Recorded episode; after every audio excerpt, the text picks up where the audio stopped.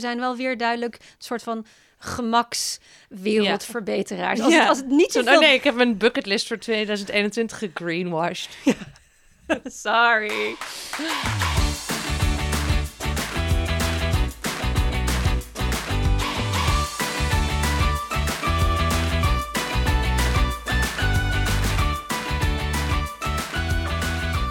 Welkom bij Zoetzuur, de podcast over alles waar we graag een geïnformeerde mening over willen en alles waar we ons ondertussen door laten afleiden.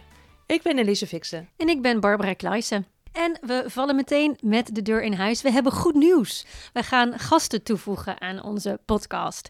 En we zijn dan ook druk bezig om nieuwe afleveringen voor te bereiden. Om jullie niet geheel aan jullie lot over te laten, deze week daarom een update-editie. Met aanvullingen, correcties en leestips betreffende de afgelopen vijf afleveringen. Heb je die nog niet allemaal geluisterd? Dan is het misschien leuker om dat eerst te doen. En weet jij een leuke gast voor ons of ben jij een leuke gast voor ons? Mail dat dan naar hallo@zoetzuurkast.nl of slide in onze DM's op Instagram. Yes, maar voordat we naar de updates gaan, Elise, moeten we natuurlijk eerst even bespreken wat er zoet en zuur was in ons dagelijks leven.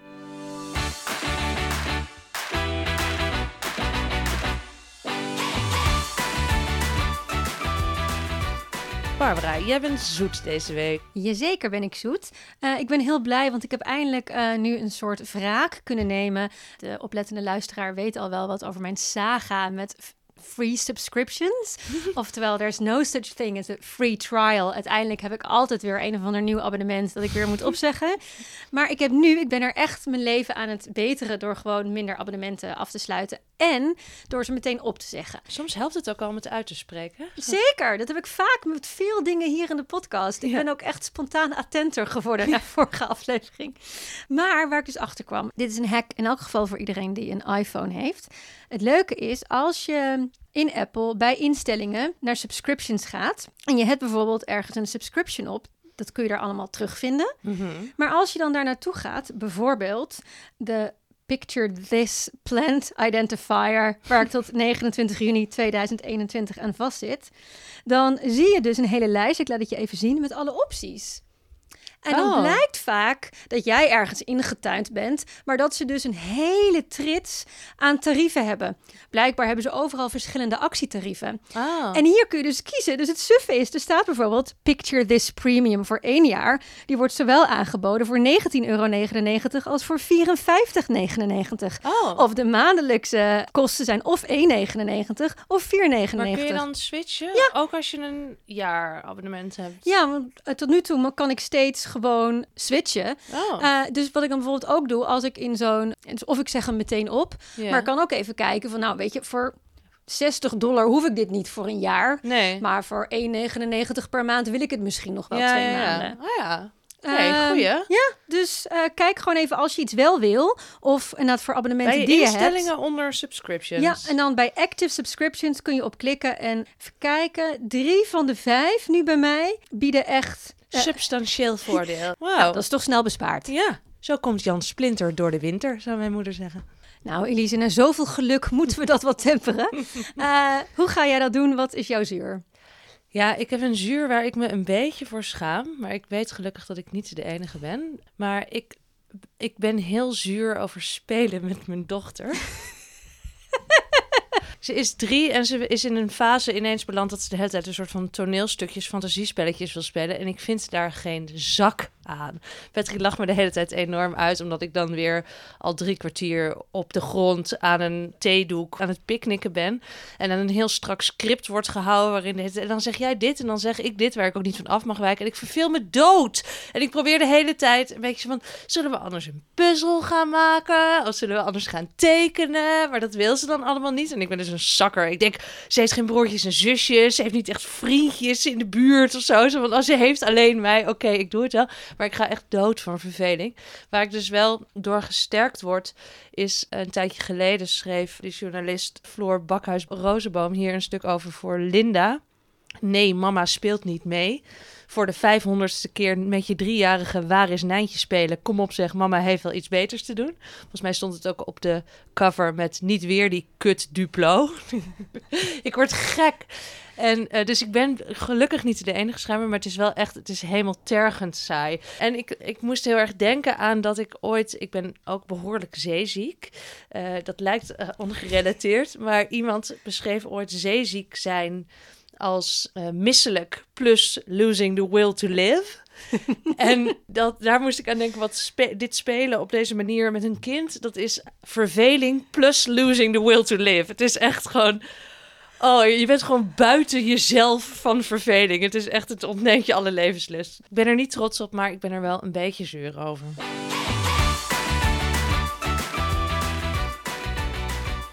Goed, dan gaan we even beginnen met de bliksemronde. Uh, we hebben verschillende luisteraars die nieuwsgierig waren. Hoe zat het nou hiermee of hiermee? Hoe gaat het bijvoorbeeld met Elise's planten? Ja, medium. Ik heb het idee dat nu het ietsjes warmer begint te worden, dat ze ook wat meer uit hun schulp beginnen te kruipen. Dus ik heb ergens hoop dat het uh, misschien ook een winterdip, winterslaap is. Dus er komt hier en daar weer wat uit. Het is niet, nog niet op het niveau wat het was, maar er is progressie. Jij, Barbara, had het in de Vagina Voting editie over dat je een goede patiënt was en dat je beter wilde worden in hashtag loslaten. Hoe gaat dat?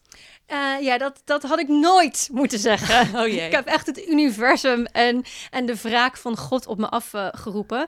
Omdat ik sindsdien dus uh, gedwongen ben om bedrust te houden. En sindsdien, laten we het even hebben over zo 12 januari. En terwijl we dit opnemen, is het 22 februari. En het einde is nog niet in zicht. Oh dear. Ja, dus ik heb ook niet meer gesport. Uh, mag amper bewegen. Ik mag de vaatwasser niet uitruimen. Ik ben afhankelijk van de liefdadigheid van mijn beste man, die daardoor wel elke avond kookt. Dus ik mag nu helemaal nooit meer klagen over zijn kookkunsten. hij doet het fantastisch. Maar lukt het dan om, het, om, het, om dat hashtag los te laten? Het is heel goed oefenmateriaal. Ik heb nu al ik heb een week of vier aan zelfkastijding gedaan. Met, maar als ik dan niet mag bewegen, dan moet ik toch wel gewoon op zijn minst een nieuwe website kunnen bouwen. En alle vakliteratuur gaan lezen waarvoor ik een ja. weekend de hei op wilde.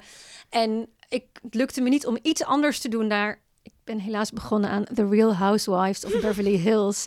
Uh, 26 afleveringen per seizoen, plus dan een live recap. En ik zit in seizoen 3, dus stel maar uit hoeveel uren van mijn leven er daarin op zijn ja. gegaan.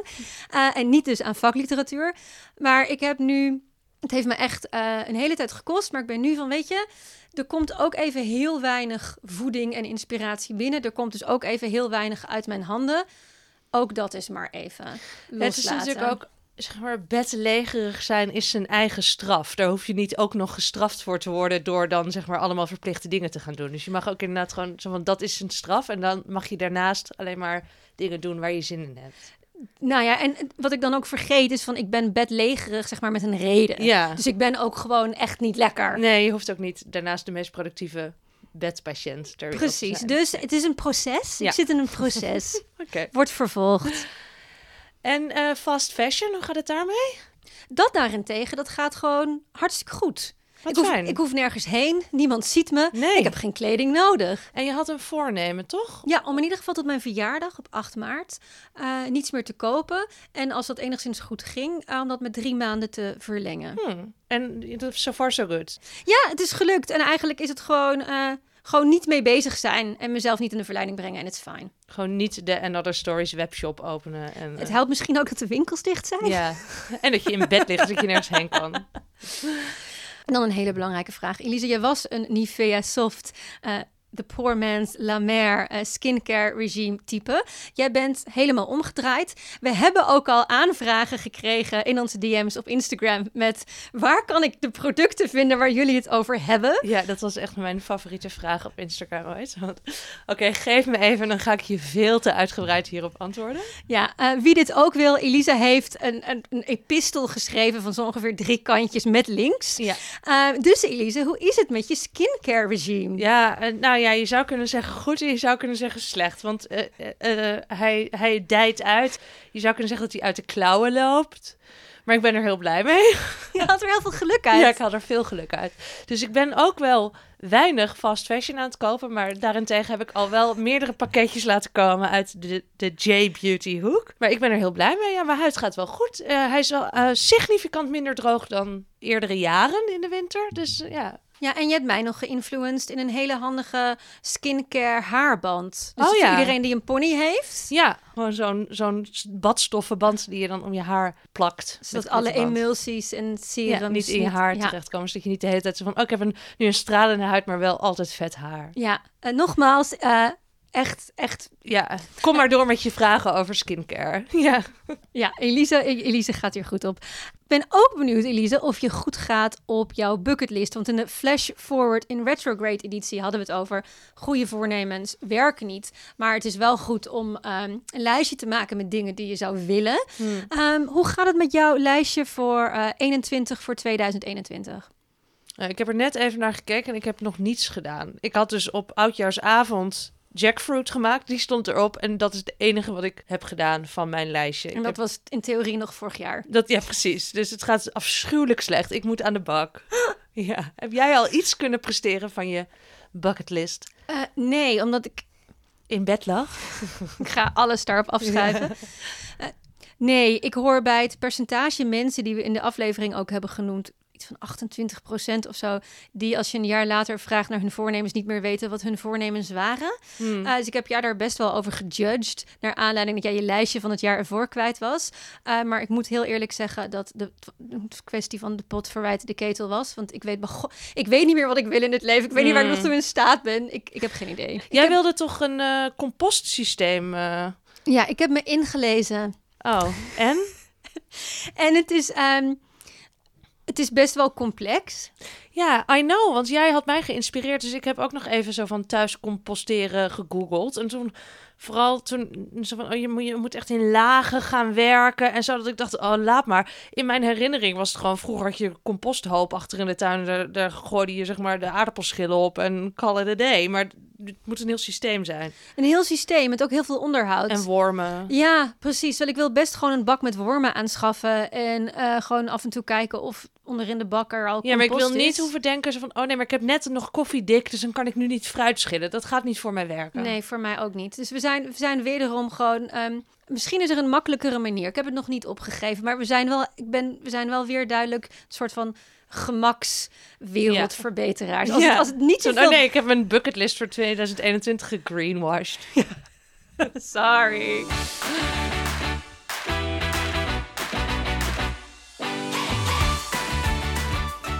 En dan gaan we nu de deep dive eh, updates in. We wilden nog even terugkomen op de privilege-editie. Elisa, jij wilde Massi Hoetaks boek lezen. Eh, jij hebt ons niet ontdekt, wij waren hier al. Is dat gelukt? Ja, dat is gelukt. Die heb ik gelezen. Ja, ik heb hem geboeid gelezen. Af en toe ook wel enigszins beschaamd. En ehm, wat eigenlijk vooral is blijven hangen... Nog even voor degenen die het hebben gemist. eh, dit boek gaat over gentrificatie van in dit geval specifiek Amsterdam-Noord... waar wij allebei wonen.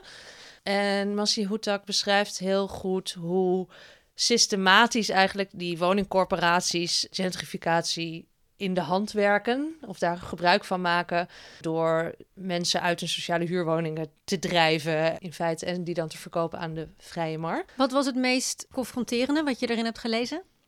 Nou, hij beschrijft dan bijvoorbeeld over hoe, nou ja, woning, woningcorporaties dus jarenlang gewoon het, het gewoon vertikken om huizen te onderhouden, waardoor mensen in hele slechte huizen wonen. En uiteindelijk, als je dat maar lang genoeg uitstelt en uitstelt, is er eigenlijk geen redder meer aan. En dan is het van, oh nou ja, we moeten slopen. Nou, u kunt wel een vervangende woning krijgen. Eh, en dan krijg je een, een, nou ja, een oprotpremie van een paar duizend euro. En dan zeggen ze, nou, maar hier heb je een mooie eensgezinswoning in Zaandam. En daar mag Ja. je dan naartoe. Ehm, Dus je wordt eigenlijk, eigenlijk worden mensen dus gewoon hun huizen uitgejaagd. Absoluut, ja. ja. En ik, in mijn hoofd was het toch nog wel iets meer... Je denkt, nou ja, ik bedoel... Huurrechten, huurbescherming, huren ja, staan toch ik heel sterk. ja als, hij- als er gewoon een huis leeg komt te staan, dan wordt het verkocht. Maar dit- dat is, dat is niet zo. Huizen worden echt leeggetrokken en dan gesloopt en verkocht. En nou, wat ik wel interessant vond, was dat hij beschrijft op een gegeven moment een goed voorbeeld van hoe het ook kan. eh, de Indische buurt in eh, Amsterdam-Oost. En eh, dat is dan zo'n straat waar ook heel veel van die lokale gewoon winkels en zeg maar de islamitische slager en groenteboeren en zo zijn. En hoe ze daar eigenlijk met de buurt zijn, of zeg maar oude en nieuwe bewoners samen gaan, kijken van hoe kunnen we er nou voor zorgen dat iedereen mee profiteert van de gentrificatie? Want hij zegt ook wel zo, want er zijn natuurlijk ook voordelen aan. Het is ook het is voor iedereen gunstig dat de wegen verbeteren en eh, dat het lood uit de leidingen gaat en, uh, en de parken mooier worden. Maar ja, hoe voorkom je dan dat zeg maar de, degene met een supermarktje of de groenteboer daar, die daar al heel lang zit, dat die dan op een gegeven moment van niemand gaat er naartoe en die moet daar weg. Dus die zijn echt gaan kijken in Amsterdam-Oosten van, oh, wat zijn nou dingen, er is namelijk best behoefte aan jullie producten, maar hoe kunnen we het nou zo verpakken dat het ook uitnodigend is voor de nieuwe generatie bewoners. Ja, hoe kunnen we het juppen-proof maken? In feite wel. En hij zegt ook zo van ja, idealiter wil ik eigenlijk natuurlijk dat het gewoon blijft zoals het is en dat iedereen daar dan naartoe gaat. Maar als dat dan niet zo is, hoe kunnen we dan kijken? En soms is dat al gewoon zo van oh, even een frisse nieuwe luifel, een ander logo of zo van dit curryhuis. Daar kun je nu in, van, in vijf stappen naar de perfecte curry, waar dan allemaal mensen zo van oh leuk, dat kun je dan zelf thuis maken en zo. Dus een beetje op die manier zijn gaan kijken. Zodat je iets meer die aanloop krijgt en die die mix als het ware wat meer faciliteert. Precies. Ja, en ik vind, oh ja, oké, nu zeg maar de oude bewoners die profiteren economisch van de economische opwaardering van een stadsdeel. Ja, ik vind het wel een klein beetje ongemakkelijk klinken als ik daar naar luister dat het dus echt vooral de oude bewoners zijn die dus zich gaan aanpassen om in de smaak te blijven vallen van de nieuwe bewoners. Dat is ook dat klinkt wel ongelijk. Nee, ja, dus je zou liever willen dat uh, de nieuwe bewoners zich helemaal aanpassen aan de oude bewoners. Ja, maar ja, dat gebeurt maar dus als je niet. Het, dat gebeurt dus niet of niet voldoende. Dus als je het dan een beetje pragmatisch insteekt, dan kun je zeggen, dan is dit als je niets doet, gaan ze wel in een andere buurt hun inkopen doen bij een plek die ze wel hip en aantrekkelijk genoeg vinden. Ja. Dus kun je beter wat van die hipheid naar de toko brengen, zodat ze in ieder geval de lokale ondernemer mee profiteert. Daarnaast is het natuurlijk wel ook een oproep aan de nieuwe bewoners van hey, in plaats van elke keer naar de Jumbo te gaan, kun je ook gewoon even je groente en fruit hier bij deze lokale ondernemer kopen. Dus Ja. dat gaat wel twee kanten op. Zeker, nou dat lijkt me ook heel leuk. Eh Massi Hoetak, als je dit hoort, of als er mensen zijn die hem kennen, het lijkt me heel leuk. Wij zijn allebei in Noord komen wonen. Ik in 2013 en jij 2018. Dus wij zijn die vervelende nieuwe bewoners. Het lijkt me heel leuk om eh, met je in gesprek te gaan van... hey, eh, wat, voor, wat, wat, kunnen wij, wat kunnen wij beter doen? Ja, absoluut. Staan voor open.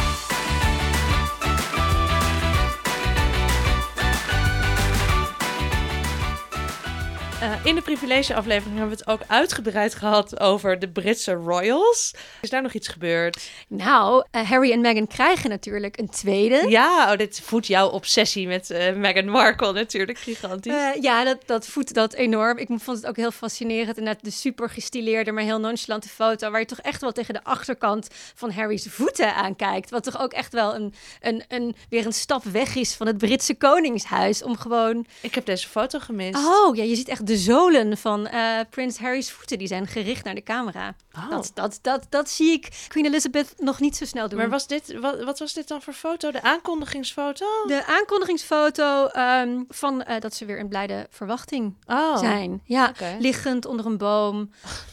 In een soort wijngaard. Oh, we zijn, oh, we krijgen nog een kind. Wacht, we moeten snel in een, in een wei gaan liggen onder een boom. Want Ja. dat is wat je dan doet. Yes. En ze hebben aangekondigd eh, dat er eh, een royal interview gaat komen met niemand minder dan Oprah Winfrey. Oh, Eh, dear. ja, het is eh 7 maart zou het online moeten komen. En Meghan zal eerst alleen te gast zijn en ook praten over haar hele gedoe. Natuurlijk met de breuk met haar vader en haar halfzus. En dan komt op een gegeven moment ook Harry erbij. En volgens mij wordt het ook echt een two-day television Jezus, event. Met natuurlijk klinkt als enorm hit or miss. dat is het ook. Het enige reden is dat ik heb gewoon sinds ik eh, voor die aflevering research heb gedaan naar extreem racistische behandeling van Meghan Markle, heeft ze voor mij gewoon een soft spot. En Hmm. dat vond ik zo heftig dat ik gewoon toch wel echt team Meghan blijf nu. Hmm. Oké. Nou, in afwachting daarvan heb ik dan nog een tip voor fa- fans van The Crown. Helena Bonham Carter, die de zus van de koningin Prins Margaret speelt. Zij is in de podcast bij Louis Theroux. Hoe heet dat ook weer? Grounded. Grounded with Louis Theroux. Daar- Aanrader. ja, en daar is dus een aflevering met Helena Bonham Carter. En eh, dat is he- een heerlijk gesprek. Zij is echt wel een heel fijn, lekker eigen type, heel Brits, heel geestig. Eh, ja, heel erg van genoten. Een saillant detail is dat zij op dezelfde school hebben gezeten. Dus een beetje zeg maar uit diezelfde Mm. Londense eh, kliek komen. Maar het werkt voor het interview, werkt het goed. Ja, werkt heel goed, want zij, hij, hij kende haar wel, maar zij hem niet. Want zij zat een paar jaar jonger, maar ze kende dan wel zijn broer. En dat Ja. komt altijd terug. En nou, het is heel grappig. Fijne vibe. Ja.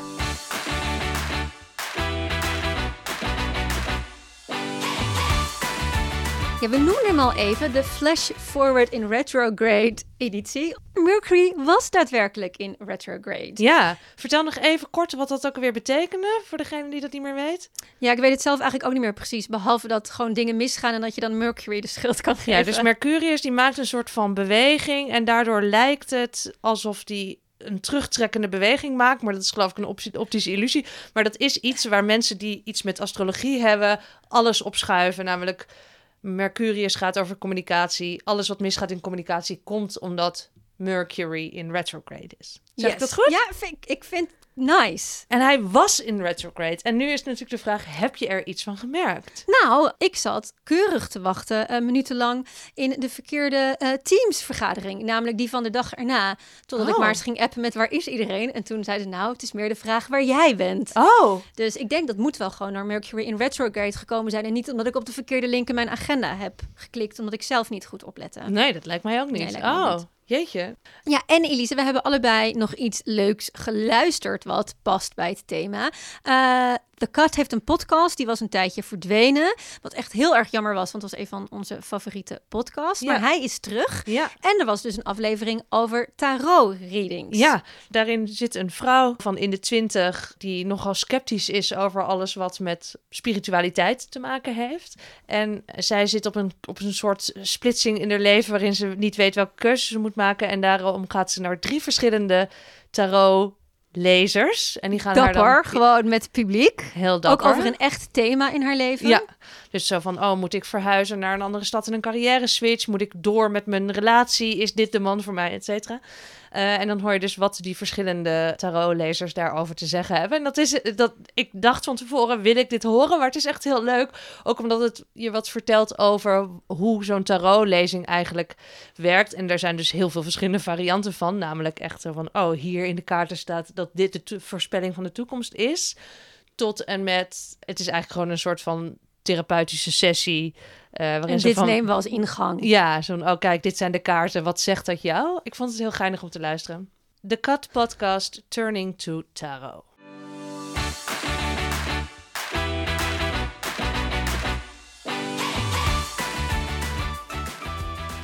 Dan was er de Me, Milieu en I editie. Hebben we daar nog iets eh, over opgestoken naar de hand? Zeker, zeker. Mijn man was enorm in ons teleurgesteld. Die vond dat we het wel beter hadden kunnen doen. Oh, waarom? Nou, eh, hij zei terecht, en we hadden dus ook nog een boeiende discussie over, dus dat wat alleen was al waardevol, dat het een vals dilemma is, zo van, ligt het nou wel bij mezelf? Een beter milieu begint bij jezelf, of begint het niet bij jezelf en begint het gewoon bij politiek en begint het bij beleid? Mhm. Want... ehm, zei hij zelf als vakbondsvertegenwoordiger. Ja, hallo, eh, het is niet voor niks een volksvertegenwoordiging. Wij bepalen wie in de politiek zit. Dus we kunnen niet het afschrijven dat de politiek wat moet doen of dat het aan de politiek ligt. Wij Mhm. zijn ook degene die bepalen wie daar zit. Ja. Ik hoor een ja. Ik, Nou ja, ja dus, dus, dus een stem op een soort van klimaatactivistische politieke partij. Maar ja, dat kun je dan toch alsnog alleen maar zelf doen. Zeker. Dus ik ben, ik ben even gaan kijken van... hey, als je nou dus invloed wil uitoefenen op de politiek... Mhm. wat zijn dan wat dingen die in de aanloop naar de verkiezingen die je kan doen? Mhm. Nou, je kunt een aantal dingen doen. Eén, een Milieudefensie heeft een algemene petitie aan politieke partijen die je kan tekenen, ongeacht waar je op wil stemmen. Waarbij het vooral gaat om eh, het belang dat onze hele economie in 2040 op duurzame energie draait. En dat Ne- Nederland een eerlijke bijdrage gaat geven aan de voorkoming van verdere opwarming van de aarde. Mhm. Dat grote vervuilende bedrijven hun eerlijk deel van de kosten betalen. Eh, dus dat ze die niet neerleggen bij huishoudens, kleine bedrijven, boeren of mensen aan de andere kant van de wereld. En dat de overheid zorgt voor banen en een fatsoenlijk inkomen voor iedereen. En helpt mensen die hun werk verliezen door de energie- en landbouwtransitie. Dus als je hierin kunt vinden, kan het gewoon geen kwaad om die petitie te ondertekenen. Dat is één ding. Mhm. 14 maart is er een landelijk klimaatalarm. Je kunt daarin op allerlei locaties aan meedoen. Ze zijn het ook nog aan het organiseren. Je kunt je aanmelden als organisator, als vrijwilliger. Je kunt vanuit je huis meedoen. En je kunt dus corona-proof, zegt de organisatie, lokaal ter plekke Ja. meedoen. Dus dat is iets 14 maart, het klima- klimaatalarm. De petitie van Milieudefensie. Verder bestaat er zoiets als een milieulabel voor de politieke partijen.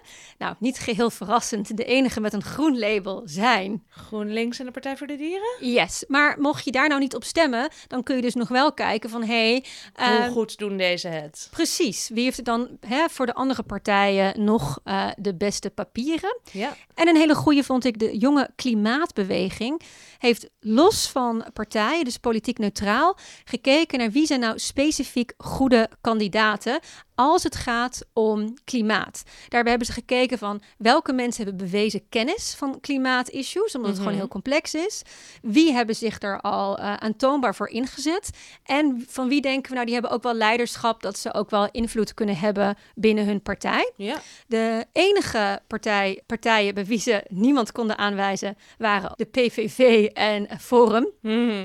Uh, maar verder uh, Joris Thijssen, Partij van de Arbeid, Henry Bontenbal van CDA, Lammert van Raan, Partij voor de Dieren, Pieter Grinwis van de ChristenUnie, Ellen Verkoelen van 50PLUS, Mark Harbers van de VVD, Kautar Bouchalit van GroenLinks, Sandra Beckerman van de SP en Rob Jette van D66. Dus dit zijn allemaal politici die we met voorkeurstemmen in de Kamer zouden kunnen Ja, dus kiezen. ook al ben je een VVD'er en kun je daar niet van afstappen, God forbid. dan kun je in elk geval Ah, op Mark oké. Harbour stemmen. Ja. Die dan weer geen vrouw is. Succes. Ja. Niemand zei dat het makkelijk ging zijn.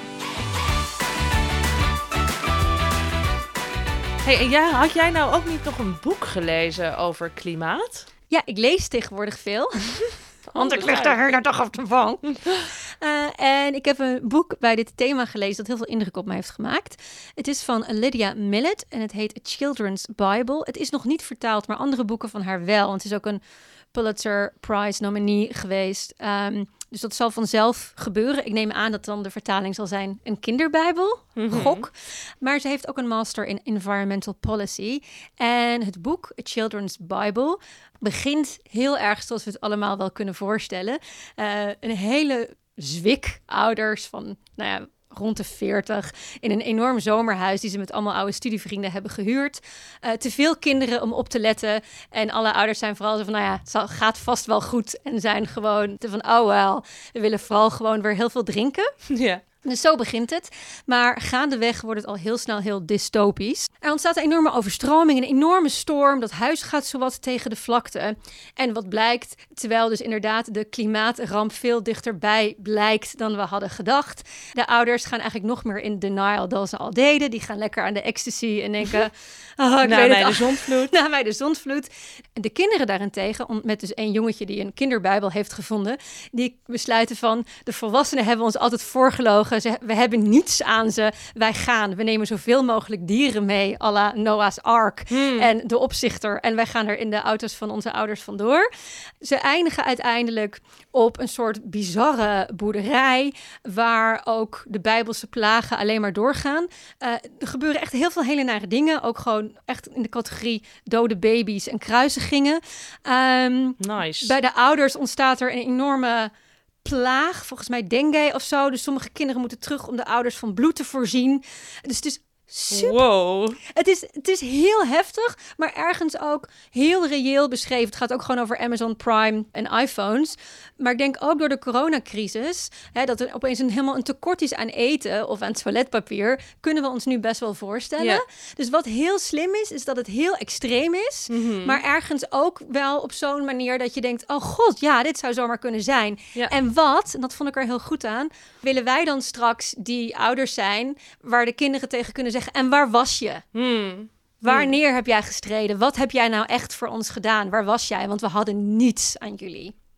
Dus het is best wel Ah, ja, ja, ja. goed boek, maar ik, Ik heb er wel oh, van gedroomd. Zo van, oh, een, een composteersysteem was te veel moeite. Wat hebben we nou eigenlijk aan je gehad? Oh, als ik dit...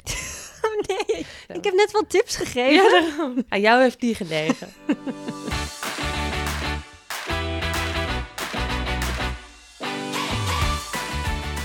De Vagina Voting editie. Ja, Elise, weet je al op wie je gaat stemmen? Oh, nee. Nee, dat weet ik nog niet. Ik denk dat ik een van die... Hoeveel procent? Echt een overweldigende meerderheid van mensen... die in de laatste drie dagen beslist op wie die gaat stemmen. Ik ben bang dat ik daar ook... Uh, ook toe behoor. Ik word het heen en weer geslingerd. Wat ik wel hoorde was een eigenlijk, eigenlijk voor het eerst dat ik een soort semi-persoonlijk interview met Lilian Marijnissen hoorde.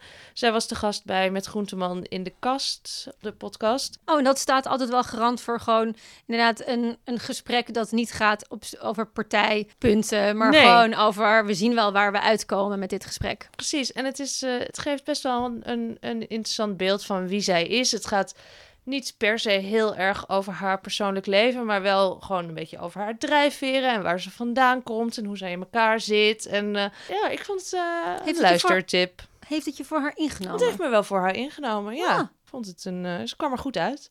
Kijk. Ik hoorde ook een interview met Lilianne Ploemen bij Nooit meer slapen al een oudere aflevering uh, van 5 december. Waarin je ook een beetje, nou, een beetje kennis maakt met haar. Zo van, oh, wie is ze eigenlijk en waar komt ze vandaan? En hoe zag haar leven eruit en wat is zij voor iemand? Dus dat vond ik ook nog wel een luistertip. Nou, ze komt bij mij ook steeds langs vanwege haar initiatiefwet over gelijke beloning van mannen en vrouwen. Ik denk dat we velen van ons al wel weten dat een vrouw gemiddeld in haar hele werkende leven 300.000 euro misloopt omdat ze minder verdient dan een man. Mhm. En daar moet verandering in komen. En dan kunnen we dus weer terug. Ligt het aan het individu en kunnen vrouwen blijkbaar niet goed onderhandelen? Mhm. Of moeten we dat oplossen met beleid? Nou, Ploema vindt dus via beleid, waar ik helemaal achter sta. Want het is gewoon lastig om te praten over je salaris, om erachter te komen wat anderen verdienen. En je hebt kennis nodig, wil je überhaupt kunnen strijden voor een eerlijk salaris. Ja. Dus wat willen zij voor elkaar krijgen? Dat bedrijven verantwoordelijk worden gemaakt uh, voor meer transparantie als het gaat om lonen. En dat bedrijven dus ook sancties opgelegd kunnen worden als ze geen actie ondernemen wanneer een onverklaarbare loonkloof is tussen man en vrouw. Dus in IJsland is zo'nzelfde wet al ingevoerd. Uh, en wat ze hier dus ook willen, want het werkt daar goed, is dat per bedrijf een anonieme lijst openbaar komt met salarissen, leeftijd en geslacht. En als die dus niet klopt, dan kan er dus een boete worden uitgekeerd. Plus kun je zelf ook veel beter zien van, hey, uh, hoe kan het in mijn bedrijf alle vrouwen van de 40 gewoon 20% minder verdienen dan de mannen van 40? Mhm. Kan ik dat verklaren aan de hand van functies part-time, fulltime? Of uh, blijkt hier iets niet te kloppen? En dan kun je dus ook als groep vrouwen binnen een organisatie sta je veel sterker. Ja, oh, wat goed. Ik kreeg toen meteen wel gewetensvroeging. Zo van, ja, uh, moet ik dan toch niet afwijken van GroenLinks? Uh, zo heel ver liggen de Partij van de Arbeid en GroenLinks niet uit elkaar. Nee. Uh, ik kies ik voor de vrouw of kies ik voor het klimaat? Ja, nou dat vond ik nogal wat. Ja. en toen was ik gelukkig heel blij dat ook Neven Ozutok heeft meegewerkt... en haar naam heeft gezet onder die initiatiefwet. En zij is van GroenLinks. Zij is van GroenLinks en natuurlijk ook nog extra divers. Dus ik dacht, gos, Barbara kan weer rustig slapen. Je hebt je steentje weer bijgedragen.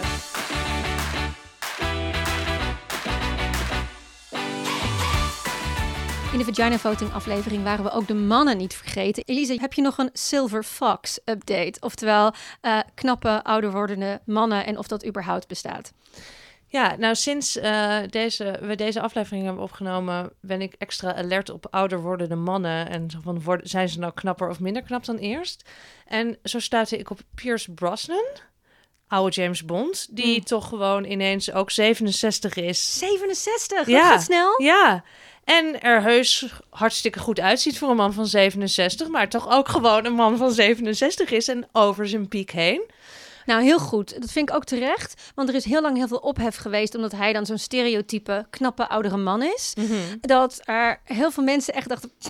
Hij is dus al 26 jaar samen met zijn vrouw. Mhm. En net als dat hij, als ik even wat uh, beachfoto's van Pierce Brosnan bekijk. dan ziet hij er ook gewoon uit als een man met gewoon een uitgezakt lijf. zoals het helemaal oké is op die leeftijd. Dus het schandalige seksisme over. jeetje, goh, waarom zou die nog steeds met zijn vrouw zijn? Want je ziet ook die vrouw is ook ontzettend knap toen ze gingen trouwen. Dat waren ze gewoon allebei. Maar zij is ondertussen ook gewoon 57, zijn vrouw Kili Shea.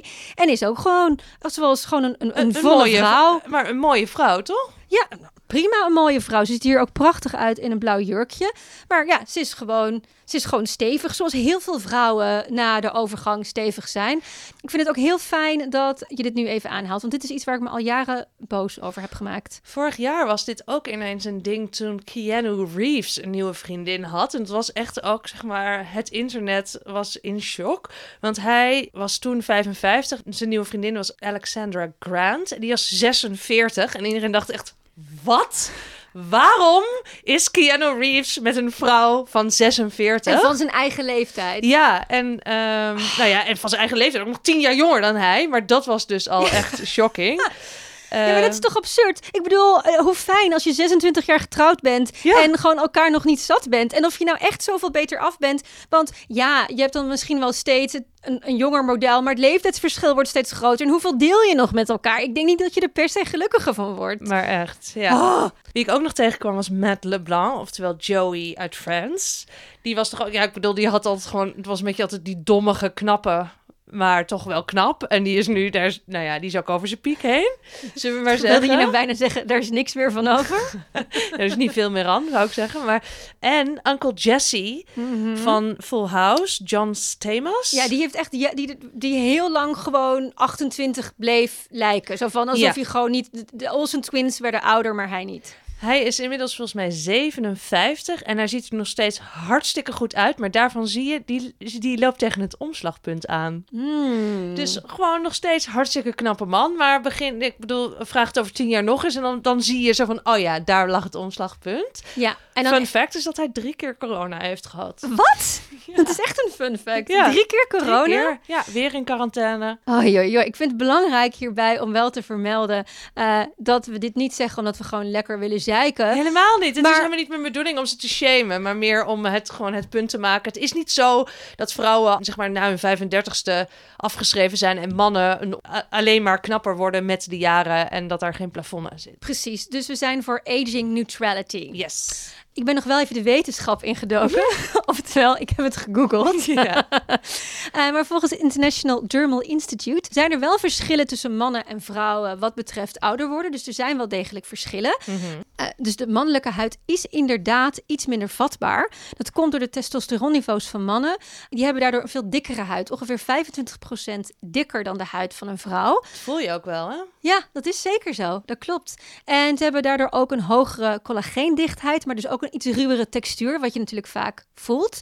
En ze hebben van nature meer vocht op hun huid en meer melkzuur in hun zweet. Je zou dus kunnen zeggen, nou zie, er is ook gewoon een verschil. Bij mannen zie je het minder. Nou, dat kunnen we gelukkig ook weer weerleggen. Twee dingen. Eén, wat er bij mannen gebeurt, is dat eh, hun hormonale veranderingen, dus hun testosteron neemt ook af naarmate ze ouder worden. Dat is alleen wat dat is gewoon geleidelijker. Ja. Bij vrouwen komt er vooral een hormonale verandering eh, met de menopauze. Waardoor opeens vrouwen gewoon... Oh, gaat ineens heel snel. Vijf jaar lang gaat het heel snel. Daarna trekt het voor mannen en vrouwen weer gelijk. Ja, ja. Dus het kan ook zijn dat het soms bij vrouwen even opvalt, omdat ze ook echt in die vijf jaar vaak opeens zwaarder worden, meer een verhouding meer mannelijke hormonen, worden ze ook allemaal veel Mannen en stabieler van. uiteindelijk groeien naar elkaar toe, toch? Zo van, dat, we- dat Dus- ja. gaan steeds meer op elkaar lijken. Plus, eh, nou kijk maar naar jouw skincare regime versus wat Patrick aan zichzelf doet. Is het dus ook nog eens zo dat omdat vrouwen veel meer bescherming gebruiken, omdat ook gewoon in heel veel huidverzorgingsproducten al SPF, dus zonnebescherming zit en ook in foundation, dat dat ook wel weer voor een deel compenseert. En het zorgt er dus ook voor dat mannen die echt veel rimpels hebben, echt zo'n grafbek kunnen hebben die vrouwen nooit hebben. Want dat is eh, toch Het is een groeve van die, zo'n groevenkop, zo van met van die enorme vouwen erin. Ja, dat ja. is dus door die dikkere huid. Nou hebben we nog een aging editie in de planning staan. Dus dan komen we hier misschien nog wel uitgebreid op. Ja, met behulp van een gast. Oeh.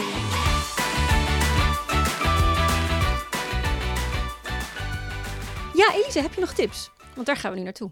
Ik heb een leestip. Ik was jaren, nou ja, een paar jaar geleden was ik aan het lezen in Knausgaard, Mijn Strijd. Dat is een zesdelige serie met allemaal hele dikke pillen. Een soort van slow literatuur, waarin hij allerlei verschillende fases van zijn leven tot in groot detail beschrijft. Toen was ik vol- volgens mij tot vijf en half gekomen. Oh, dat vind ik heel ver. Ja, en nu heb ik het gewoon... Ik denk dat ik echt twee jaar geleden het laatste... of anderhalf jaar geleden het laatste boek heb gelezen. Of toen ben ik dus op een gegeven moment gestopt. Ik heb het nu letterlijk gewoon in mijn e-reader weer aangezet. Ik ben verder gaan lezen. Ik zat er meteen weer helemaal in. En ik, ik zak er nu gewoon verder. Dus ik heb nu bijna zeg maar nummer vijf bijna uit. En dan ga ik denk ik door naar nummer zes. Het is echt zo'n boek waar je helemaal in kunt verdwijnen. Er gebeurt eigenlijk geen donder.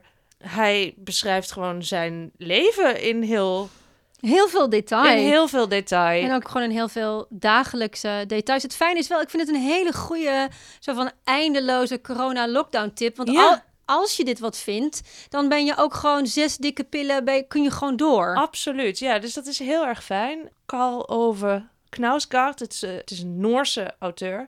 Ik vind sowieso Scandinavië bijzonder aantrekkelijk. Dus gewoon om gewoon zeg maar zes boeken lang in zo'n Scandinavisch decor rond te, te dwalen, dat spreekt mij al heel erg aan. Eh, maar het is ook heel ontroerend en meeslepend en boeiend. En eh, ja, ik vind het heel fijn. Ik heb ook een boekentip, eh, lekker licht en luchtig. All Adults Here van Emma Straub. Eh, het is nog niet vertaald, maar wederom denk ik dat dat niet lang meer gaat duren, want haar andere titels zijn al wel vertaald.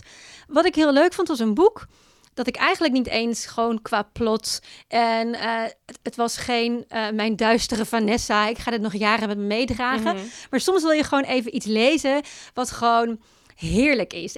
Wat zo leuk is, en daar kan ik erg van genieten, en ik weet toevallig jij ook, is als een schrijver heel erg de zeitgeist gewoon weet te Ja. vangen Heerlijk. in van die kleine opmerkingjes. En dat is soms gewoon heel lekker. Ja. Dat je gewoon denkt, oh ja, een, een beach read. En volgens Ja. mij kunnen we allemaal wel even een beach read gebruiken. Heel goed. Dan zijn we weer aan het einde gekomen. Yes! En nogmaals, heb je ideeën voor gasten, maar ook voor thema's of onderwerpen?